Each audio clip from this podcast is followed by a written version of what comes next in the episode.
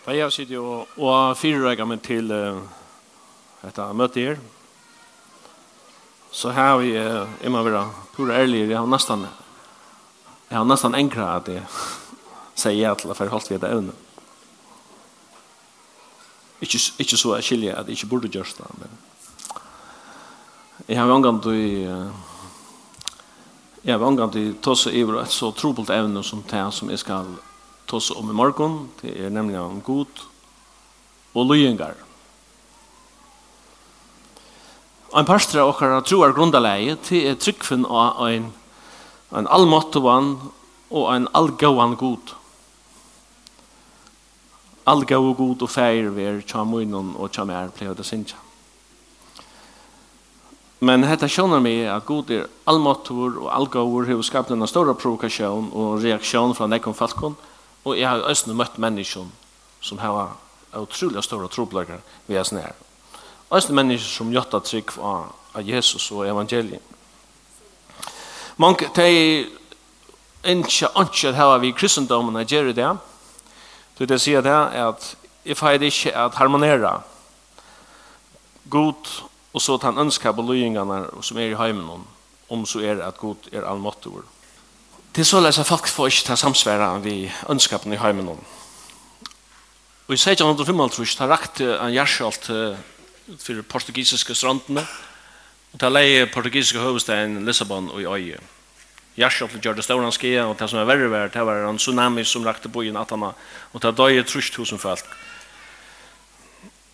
Ta i tøynden bare som Europa om det som hentet i Portugal, ta sett en, en tangeri i Paris med Voltaire, Og dette var i tøyene vi rationalismen og sånne. Han hei øyla nekvann trobløyka, eller avbjørungar til det kom til til kristne trunna, hei nek, sam, hei nek samrøver og nek prat vi, vi teologar og så framveis. Og Gjerskjolten i Portugal blei en større snavestøyner for Voltaire. Folk sier, jeg skiljer ikke en god som hever akseptera og sier hukt i alt, men det som hentet tøyningarleven i Auschwitz, utan å grubbe inn, eller de hoppdrapene som er framt under Stalin, etter Mao og Kambodja under Pol Pot. Og mange vil ikke ha vi trunne gjøre. Det er her som de ikke får svære på. Jeg stand ikke her til jeg har svære på alt det her. Men jeg må prøve å komme ved noen attersvær. La meg fortelle den hese søvnene først. Jeg hørte en mann innenfor fortelle hese søvnene. Da jeg var smadronger ble papp min sjukker, og etter han tog så døg han. Men her sjå vi så, syskjene og mamman.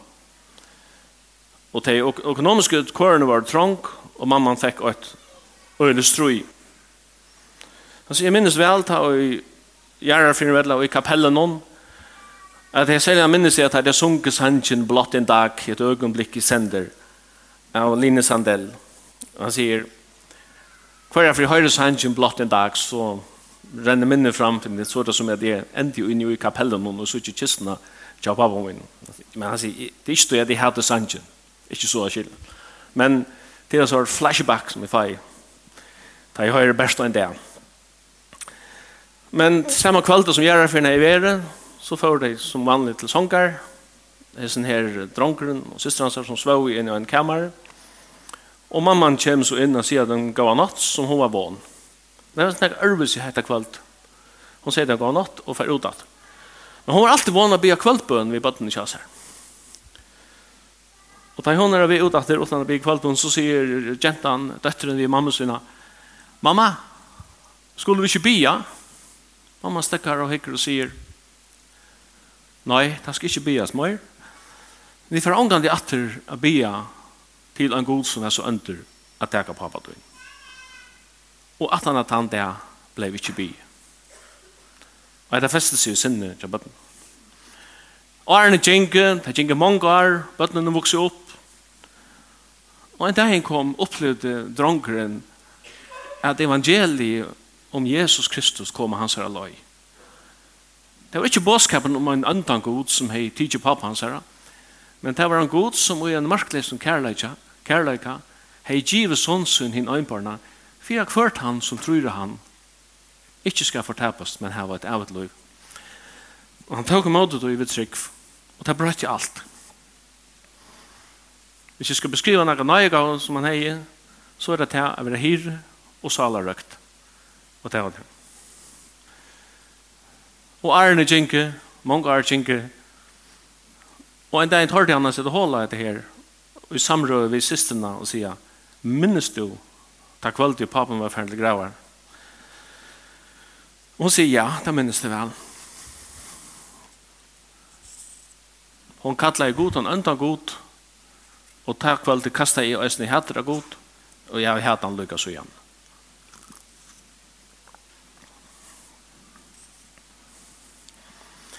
God til omgang du er så utskjeld av som han er i det. Men jeg har lagt mest til noen ting som jeg alltid er sinter spesiell.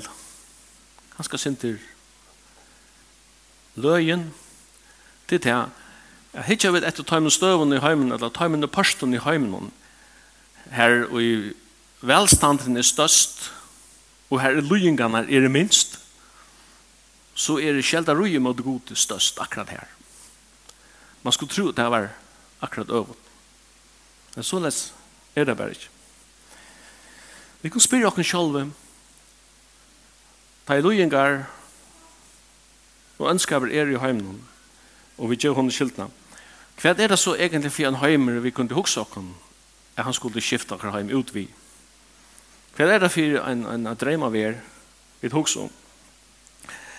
Er den heim utan lojeng og her vi utan en frujan vilja så kan vi spyrja er det så en heimer her jeg hei passa inn eller her jeg hei tøyma av vere? Jesus sier i fjallatalen så leis at god leder sølsuna rysa iver ønd og gau og han leder rekna iver rattvois og aurattvois det vil si at det kommer til nei og miskunn hans her så øyser han ut og tar regar brøtt bei iver til ønd og gau det samme er det det kommer til han ønsker eller han negativa som regar hendan heim så regar det øysene brøtt. Den kristna boanen forteller meg at vi lever i en fallen og heime vi öllum tog som det innebär at tog vi skilja og at tog som vi ikke skilja. Og fattelig hever globalar avløyingar. Rombravi 8 sier at alle skapningren suffar og hever verskir lykka til nu og æsne vit som er født av gode vi suffar og landjast etter etter badnarattnum endeløsingen av ligam. Chesterton, han kjente filosoferen, det hva som kallar han, sier Einarsson, at ta i tryggven av god gjerst trobol, ta i frøstingen størst til å vente henne bætje, og til det som mong har gjørst. Og en varianter av løyengon er sjuka, annars finnes det nekslo av løyengon, Det finnes jo fysiske løyingar, det finnes også salarlige lojengar. Og da vi tar oss om løyingar ut fra ljøsen som skriften her, så kunne vi ta oss om menneskjans løyingar, men vi kunne så sannelig også ta oss om Guds løyingar. Og jeg var av, av løyingun i sjuka, og det er trobult evne, og jeg vet ikke hvordan jeg bøker jeg har lyst som røyna av vittjera begrepet sjuka ut fra en teologisk vinkling, Jeg har lyst nekvar. Og jeg vet ikke hvordan jeg klokar er bliven av dem enn alle. Jeg regner vi til nøye som jeg finner ikke, og til visdom som til god jeg gjør meg, at skilja da, så løs som jeg alltid har skriften lærer. Jeg er ikke nægar tilhengare av nægar elendighetsteologi. Jeg trykker ikke at lojengar og sjuka er et uttrykk for nægar sikning fra gode. Men jeg tykker vi at alt sammen skal ta imen til gåa som elskar god, så det som skriv, skriften sier. Det er nekva bøker skriva jeg om evne pyna og lying, men den kjendaste er ikke C.S. Lewis, The Problem of Pain. Ravi Zachariah skriva en bøk for noen annen som heter Why Suffering, og Philip Jansi har en som Where is God When It Hurts. Jeg kjenner innihalt i nekva av bøken. Men tar vi to som trobleikan vi lojengon, eller tro, eller the problem of pain, som C.S. Lewis sier. Så jeg husker om en ære bok som en amerikansk lakning har skrivet, som heter The Gift of Pain. Her omtaler han menneska likam rent fysiologiskt og skriver om at han mest undermetta egenlagen som okkar kroppar hever til til at vi kunne føla inni i okkar ligamedla til at det sitter nekker nekker nervabane eller nekker sensorer som reagerer hvis det kommer nekker trusht av hovuna eller hva det nu er. Og han lyste øyla genialt. Han sier at ligamet er såleis innrattet at tar sensorer som sitter tar hava imiska følsamhet etter avn etter hver vi det er av okkara kroppen. Så sier han at det mest ofølsamma vi kunne si at det er under iljen noen eller under fauten noen og det mest vikvema følsamma som er til eia eller hotten hinten.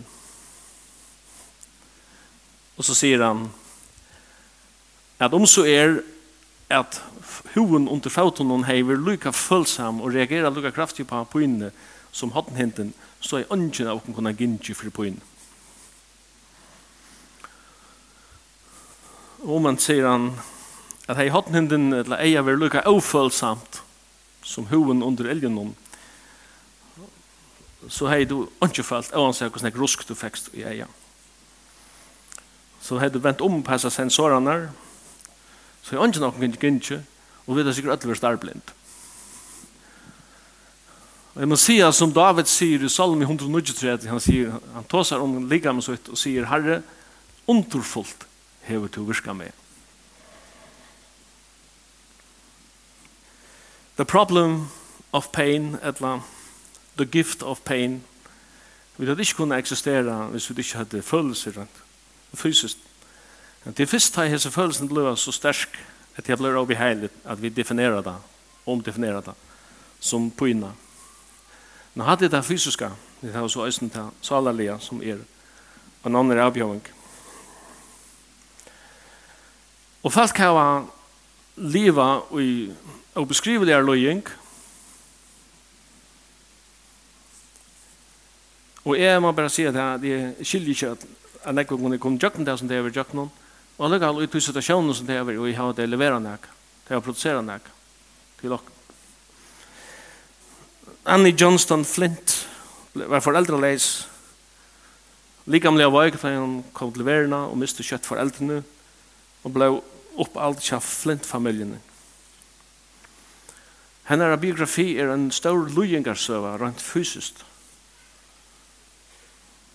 Det siste årene satt hun bundet til en rottestål, vi obeskrivelige inne som man tar etter ta til gjøre førmåne til en forsvar så han til at døyva vi tog hele vei vi stedet i hele vei som man nå enda for kan og hvis nekker kunne fatle for frestingene som kona jobb sier vi jobb ta i Da han ble rakt av svudlun, han sier vi han banna bare god og så sleppte av dødja. Hvis nekker kunne fatte for tog så var det kanskje Annie Johnston Flint. Men og i tog tilstanden hun var i, da skriver jeg hun en salm som er blitt nå deilig, han færre noen landamørk, og er utrolig kjenter i tog ensktalende i heimen. He giveth more grace when the burden grows greater. He sendeth more strength when the labor increase. To added affliction, he added his mercy. To multiplied trials, he multiplied peace. De første omsetningene er sangren så han djever maren og hei ta byran gjerst tinkre. Er struje og svart er han vivara ali. Vi større krepp i hans miskun er større og i markfaldun røntun han djever sin fri og nyleie sier Guds nøye er bottenleis og molder hans frier og aldri hans meie kan svinna av sted. Du er avsunnen veldig av i skatten han djever og djever og djever kvann det. Hatta var åren fra Annie Johnston Flint, som sier lunch til en rullestol. Hatta er en søya ting. I Matteus 8:16 stender, Men da i kvölde var kommet, førde det til Jesus, mange som sett var av ytlan Anton, og han ræk ut andanar og grøtt til ötlin i sjuken. For jeg tessel geng ut som tala var vi Visaias profeti. Han tåg veiklagar okkara og han bær sjukur okkara. Vi har når hun omtaler med Matteus her. Han teker Isaias Ruel Trush, hint lojande Messias, og anvender beinleis på at det sitter sjån hos være Kapernaum i Matteus evangelien, kapittel 8. Guds kraft er av marska, og hun er gildig enda det og det. Og jeg har personlig oppleva a bygge för falske och uppleva Guds kraft vi momentanare gröjning. Det er også særlig enn for fyra, fyra och tredje så en helt særlig situasjon. Men är man vikengat at jeg vil til till at hatt det hendte kvar for jeg ber men det er så bare kjent. Nå hatt jeg vi så flott iver att här kontoina vi skal si sånn som vi kallar hetta som í ikke skilje, og her stender nok snakk etter hånden. Men til er ønsken som skal få meg at uh, jeg har nok Guds kraft og trunne på at hun er virksom enn han det og det og virkar i middelnok. Det stender at han tok vøglag av okkara og bær sjuker okkara. Men ønsken av de menneskene som Jesus grøtt er i middelnok i det. Så det er til tjoende sørst fattelen fyrir til sørsta fyrtjendan som er deg. Da Jesus røy inn i Jerusalem, så fikk han en en hetje mothøke. Han var mothøkken som en, en konger, en messias, og feltje som, feltje som var i Jerusalem, de skåre greinar av trøven og palmar og ledde det, og ledde klei sin av veien, og de søtte Hos i Anna signaver er han som kommer i navnet herrans kongeren. Hette er Hette er Messias vånen som jødene levde jo i. Hette er Kristus vånen. Du tar tro og våna i at en Messias skulle komme. Og her er trykkene på hette er han. Men problemet er oppsender i leiby av vikene da Jesus er ryen inn i Jerusalem at hesen Messias som de nå har finnet Han oppfører seg ikke akkurat så som det er tog seg her. Han får inn i tempelet og begynner å reka ut her. Neid og seg, koppar borren til pengavekslaren. Han er fullkomlig og kultiverer. Og hese samme falskene som brøyer klein av veien og råper hos i Anna, sikner han som kommer i navn her hans. Det er opp til få at det er sånn krossfest, krossfest, bortstøy vi i hånden. Ja, men tror det ikke av Messias? Jo, Men de vil ha en messias og på tar egne premisser og på tar egne mat. Og jeg er ikke for det samme som hender i det. Og sier jeg, vi har ikke møtt kristendom. Man skal bare være på min mat.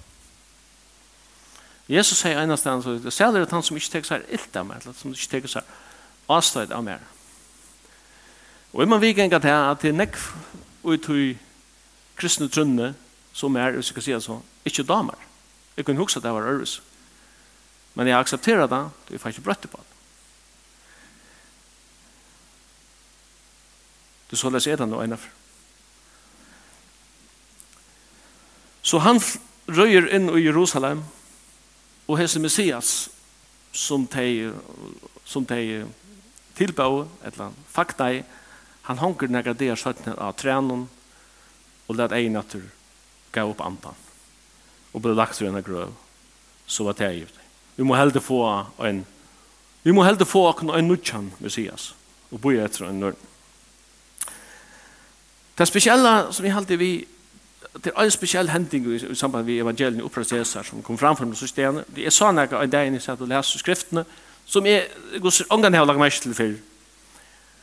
Og i Lukas 24 at det stender at han dagen, første dagen i vikene da Jesus var risen opp at samme kveld er det tvær menn, tvær lærersvenner av vei ut til bygdene Emaus som la oss ikke så øyne lengt fra Jerusalem.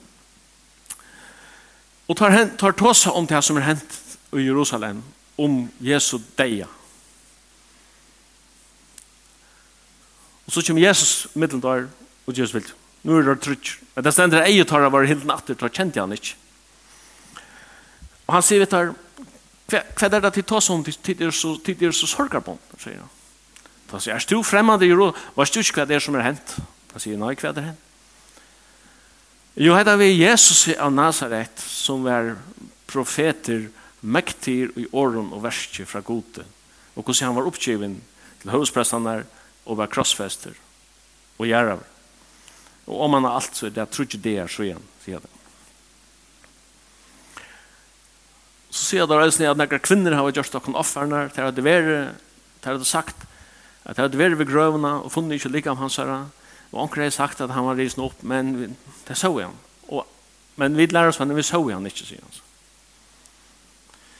Legg meg til at, at vi har sett frasøkene her til å si av Jesus, sier at han beskriva Jesus og Nazaret, da sier vi han, han var profeter og mektiger i år.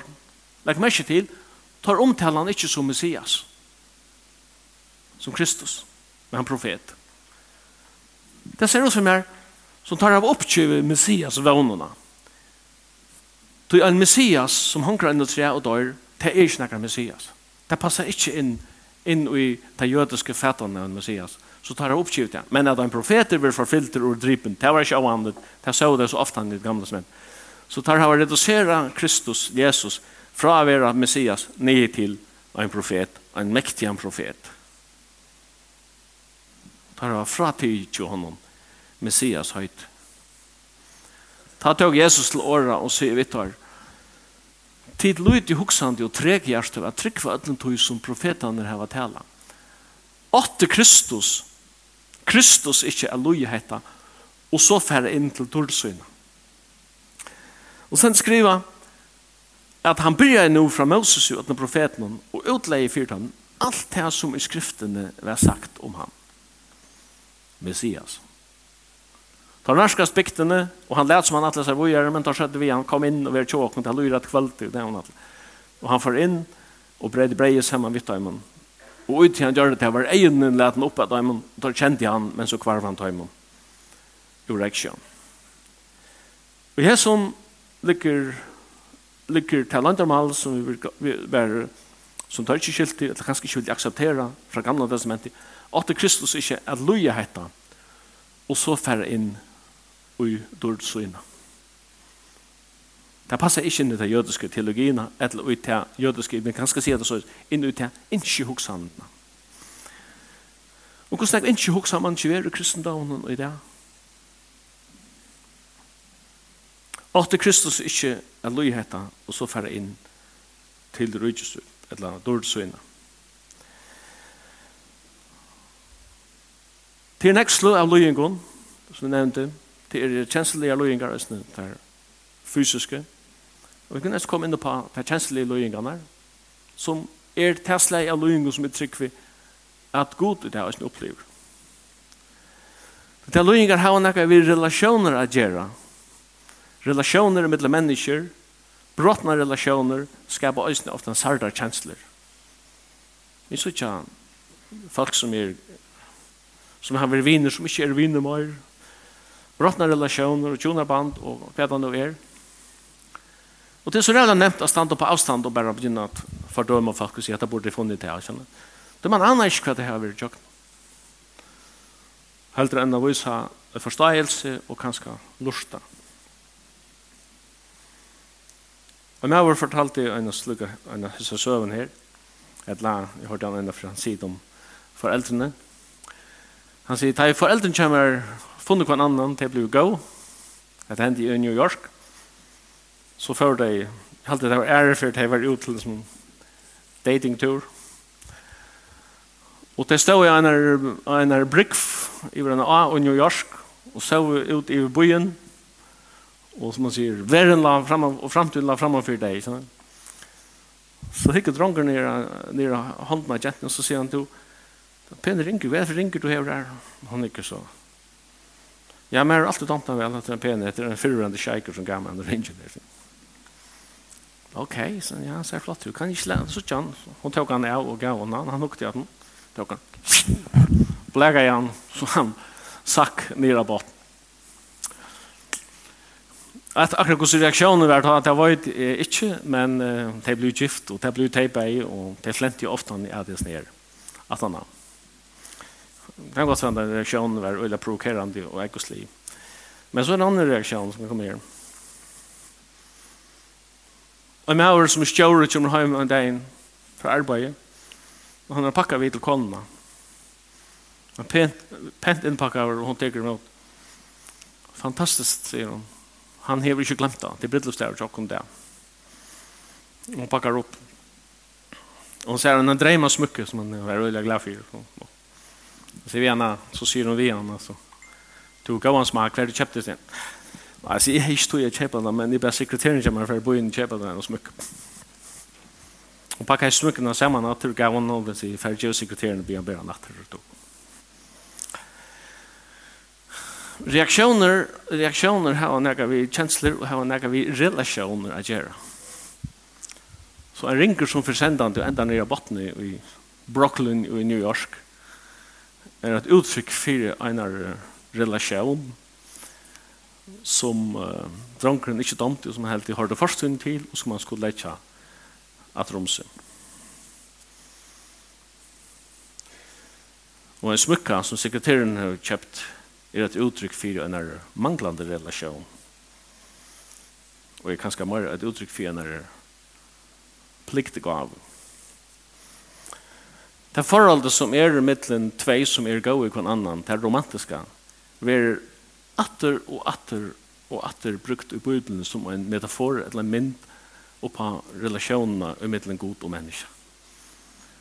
Hassan glem seg alt. Og Nudja testamentet, eller Gamla testamentet, eller Hoseas seg bøk, og så videre. God beskriver, han sier, han sier fer etter fer, at han er en god som er sjalu, det vil si han, at han godtykker ikke at jeg har goda dyrskan, at ha ære god der, som faktisk og i Bibelen vil kallar for slag av andaligere prostitusjon. Aksepterer han ikke. Og i døvenon tja Hoseas, og samtog Hoseas her, sier Herren vi Israel, jeg vil de engst mot folk Israel, jeg vil de engst at jeg kunne kalla til en skøtj, Det er godt en kunde. Det er givet der kompliment for det. Men til å smikre for det, kallet. Så hun hever høyast alt og etter forsvar for det som hun gjør. Det er det hun får penger at det fyrer å selge sin kropp. Men Israel, du er verre. Du får ikke penger for det at du gjør. Men du betaler, du betaler for å prostituere det til fremmede goder. Det er sterk en øyla stersk mynd.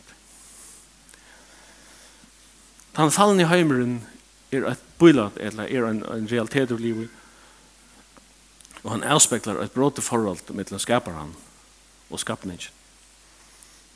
Han som gav sonsun hinn einbarna fyrir kvart han, som tror han ikke skal fortapast, men heva et avit liv. Vi vana at han var han, som skulle komme og endrøysa rujtjo Israels. Men om man har alt dette er, er han tre dævren der. Missionen, Messias missionen, fatt. Men lim lukka nevna etter tre her. Og i apostelsøvnene stendet det at Jesus møtte lærersvennen at han var opprøsende. Og nu har det finnes noen ting på plass, rent til åkest, øsene til at Lujingar Messias her var en pastor som profeten hadde tala, og Ter er han nu, ter har han nu vere, ter har tar herra forstunne til, opprøsten er en verleitje, og så sier han kvæp nu, og tar spyrir han, frelser han, og sier, herre, er, er hetta tøyen på et endrøys rujt og Israels? Er det nu vi for å sutja, da Messias rujt, er det fantastiske, er den her fakra nutja heimen som vi drar heim om. Men hva svære gav han dem, han sier, Det er ikke til tikkun av vita tøyer om tøymar som fægeren hever ansett av sin egna valde, men til skal få kraft av hele anden som er i tikkun, og til skal vittne må inni. Jeg er her i Jerusalem og Judea og Samaria, og lykka til enda tøyeren her. Du parsten av heimen, her løyingar vera minst akseptera her, skal si det. Her hender kanskje minst, og jeg andre det. Jeg var fyrir en vikersøyende sin mar, til en tema der inne i Østrødene. Her er en, en bred i vær og her i fyrlester. Og han sier så spørningen, han sier, vidda dit, hva er land i heimen hon, mot folketallet, her evangeliet har størst framgångt. Og jeg får spekulere på Brasilia, Kina, eller hva det er. Så, så kommer Sverige. Han sier Iran. Vet han mer, altså. Det var det, det, var det sørste landet jeg kunne umynda meg land som er, er herrent muslimst, finansierer terrorisme og så videre. Han sier, det er bare fakta, sier han. Det er Iran, sier han. Jeg får kanna sin tenk meg hjem og lese sin til aneten. Men vet jeg, for en 30 år siden, det var en 200 000 så det er kristen et eller annet, endefødt, tryggvandig i Iran. Det er mener man at det er tale er på en 3 millioner og at husmøyen har det florera og gjennom herrendom muslimsk og land. Det skjer kanskje prusen for evangeliet av fyllt av Jesus er størst. Og så sier vi her og regner at omdefinere kristendommen til en helgjørs teologi som kan passe inn i okkara. Vi tar ikke skilt nekka til her.